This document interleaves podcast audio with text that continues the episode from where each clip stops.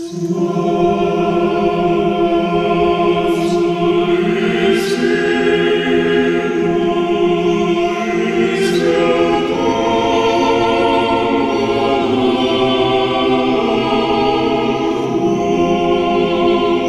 17 juli is het 100 jaar geleden dat Nicolaas II, de laatste tsaar van Rusland, met zijn hele gezin vermoord is in Jekaterinburg in de Oeral. Hij was er een maand of drie eerder naartoe gebracht vanuit Tobolsk in Siberië, waar hij al negen maanden in ballingschap leefde na zijn aftreden in 1917. In deze podcast reizen Johan de Boze en ik tijdens het WK voetbal ook naar Jekaterinburg. En ook met de trein, de Trans-Siberië Express. In het spoor van de laatste tsaar. Een podcast van Johan de Boze en Bart Bogaert.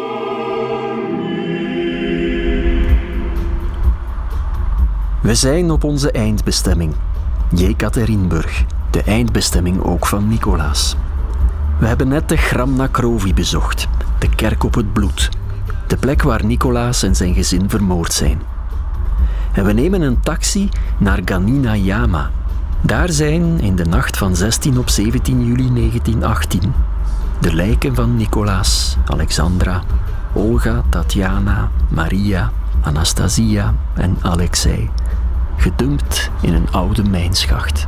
Dus dit is de route die de auto's hebben afgelegd hè, met, de, met de lijken van de tsaar en, en zijn hele gezin. Precies diezelfde route. Ik kan me voorstellen dat de boeren langs die route, uh, die midden in de nacht auto's zagen langskomen, uh, zeer geschrokken moeten zijn. Omdat ze absoluut niet wisten wat er, wat er aan de hand was. Daar kwam nooit vervoer langs. En daar kwam midden in de nacht opeens kwamen daar auto's langs rijden. Het moet heel, een heel bizarre, griezelige sfeer geweest zijn. En het cynische is dat we nu voorbij een standbeeld rijden van Sverdlov, die een heel belangrijke rol gespeeld heeft in dit verhaal. Hè?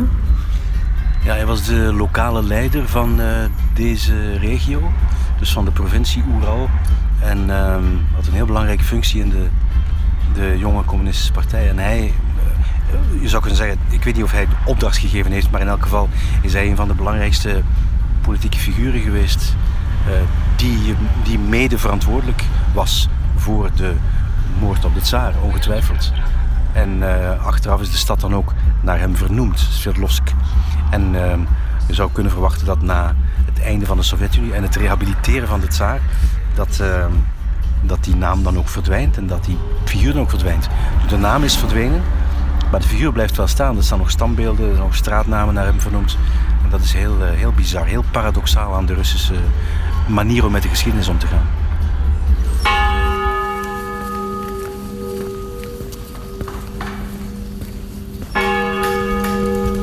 Dus met die, met die bebloede, kapotgemaakte en gestoken lijken zijn ze het bos ingegaan. En hier, is, hier was een mijn. We staan hier nu bij een put. Die put uh, is een oude mijnschacht en daarin zijn de lichamen gesmeten. Ze zijn in brand gestoken, uh, want er zijn sporen van vuur gevonden achteraf. Uh, maar de lijken waren niet helemaal verbrand. Maar er is ondertussen wel door de, de geur van, van verbrand vlees en van, van is, is dat wel opgemerkt in de omgeving.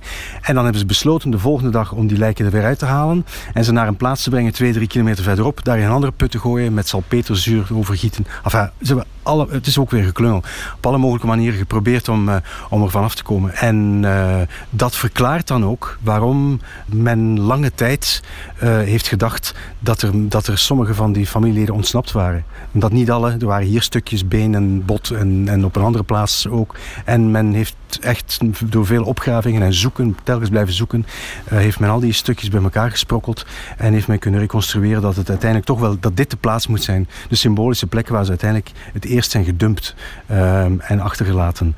En die zijn dan opgegraven, die zijn naar Sint-Petersburg gebracht en die zijn nu uh, begraven in de, de Petrus en Paulus vesting in de centrale kerk in Sint-Petersburg, waar ze in een zijkapel liggen. want we hebben hier net ook met een monnik gesproken en die zei ook van Er is, er is nog altijd wat controverse. Van, klopt het wel? Klopt. De Russen zijn wat dat betreft heel voorzichtig. En ze, ze houden van, ze zijn een beetje necrofiel, mag ik dat zeggen op deze plek. Ze houden ervan om hun, om hun doden weer op te graven en nog eens op te graven. Om zeker ervan te zijn dat het toch wel zij zijn. Dus ze liggen in een zijkapel als 100% zeker is, wetenschappelijk en ook erkend door de, door de, kerk, dat, dat, dat zij het zijn, dan verhuizen ze wellicht naar een hoofdaltaar in de Petrus en Paulusvesting in Sint-Petersburg.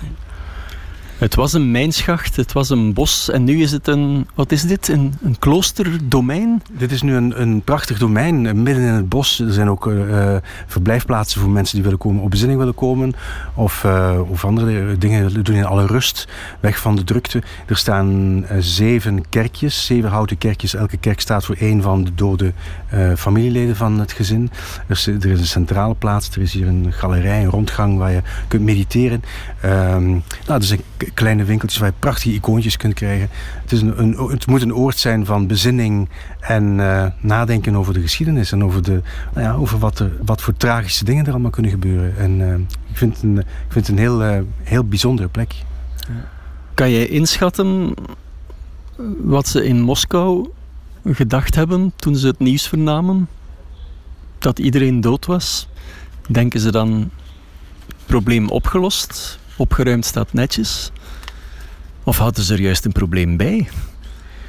Maar ik denk dat, dat de, gezien de politieke chaos die op dat moment in het land was, denk ik dat men andere zorgen aan zijn hoofd had. En um, men was al een jaar van die tsaar af. Die was, die, was al, die was al anderhalf jaar eerder afgetreden. Dus het, dus het keizerrijk bestond niet meer. Um, er was... Maar er zullen toch nog wel tsaristen geweest zijn? Ja, tuurlijk. En die zijn er altijd gebleven. Uh, echt monarchisten. En die, uh, die, zijn, die hebben natuurlijk ook een rol gespeeld in de burgeroorlog. Want na de revolutie van 1917, oktober 17, is er een burgeroorlog geweest die twee, drie, ja, drie jaar toch nog geduurd heeft. En die burgeroorlog die voedde tussen de nieuwe, het nieuwe bewind het nieuwe bewind, namelijk de, de communisten, de Leninisten. Aan de ene kant van met het Rode Leger, waar Trotsky ook een belangrijke rol in speelde, en de jonge Stalin ook al. En uh, aan de andere kant uh, de, het Witte Leger, uh, dat eigenlijk de monarchie wilde herstellen. En zij droegen iconen mee, ook iconen van de tsaar en, en, en hun familie. Dus zij geloofden, zij hoopten echt dat er op een of andere manier dat de klok kon worden teruggedraaid. Welke impact heeft dit gehad in een breder perspectief, als we het buiten Rusland bekijken voor de Europese politiek van begin 20e eeuw? Het was het einde van de Eerste Wereldoorlog. Het was het einde van het Russische keizerrijk. Het was tegelijkertijd het einde van Oostenrijk-Hongarije. Het, was, uh, het, was het, het, was het begin van een eeuw en het begin van een moderniteit, maar tegelijkertijd het einde van heel veel imperia. En uh, dat Russische keizerrijk dat was ontzettend machtig. En, en en dat had een heel belangrijke stem in, uh, in Europa en in de wereld. Of in de, althans de westerse wereld. Dat stopt opeens. Dat stort compleet in. En dan komt er een politieke fractie aan de macht die geen ervaring heeft en die, die alles uit het verleden kapot wil maken. Het is een tabula rasa op een heel gewelddadige manier. En um, wat hier eigenlijk gebeurd is, is eigenlijk het begin geweest van een, van een compleet nieuwe fase voor de wereldgeschiedenis. Want dat communisme wordt dan geïnstalleerd, het bolsjevistische, leninistisch, marxistische regime. En uh, dat heeft uh, vele decennia geduurd. Het heeft geleid tot heel veel onrust en tot uh, nieuwe oorlog, Tweede Wereldoorlog en een Koude Oorlog. En vandaag de dag spreken we nog altijd in die termen.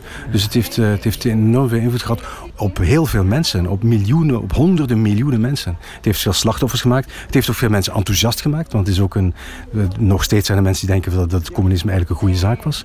Ik denk dat dit een van de gebeurtenissen geweest is, zonder sentimenteel te worden en zonder dingen te overdrijven, maar toch in een historisch perspectief, een van de plaatsen, een van de gebeurtenissen die de wereld eventjes hebben doen daveren, doen, of even doen stilstaan. Het hart van de mensheid stopte even met kloppen en ging daarna op een andere manier verder. Niet omdat die tsaar en zijn familie zo groot waren, dat denk ik niet, maar omdat hun enorme, hun duizend jaar oude rijk opeens verdween. Dat, dat was een enorme schok, historisch gezien.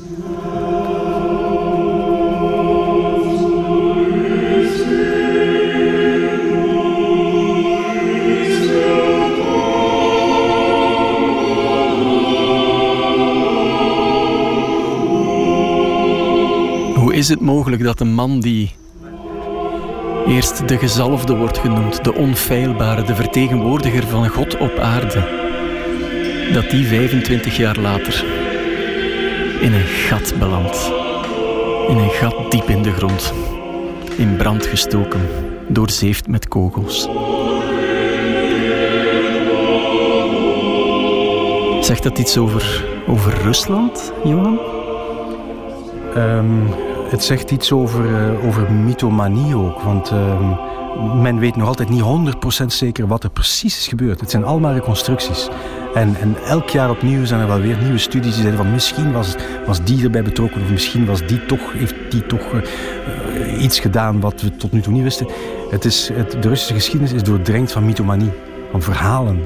Ook dit en het feit dat we hier nu staan en daarover praten en dat dat ook weer oprakelen is, is, een, is een deel van die, van die mythevorming. Ik vind dat wel iets moois, maar het is natuurlijk... Uh, misschien is er voor een deel, zijn er voor een deel leugens eh, bij, maar uh, we zullen het nooit weten. Dat is het, dat is het, het mooie paradoxale aan, aan de Russische geschiedenis. Dat er, is altijd iets, iets vreemds, iets bizars, iets, iets geheimzinnigs.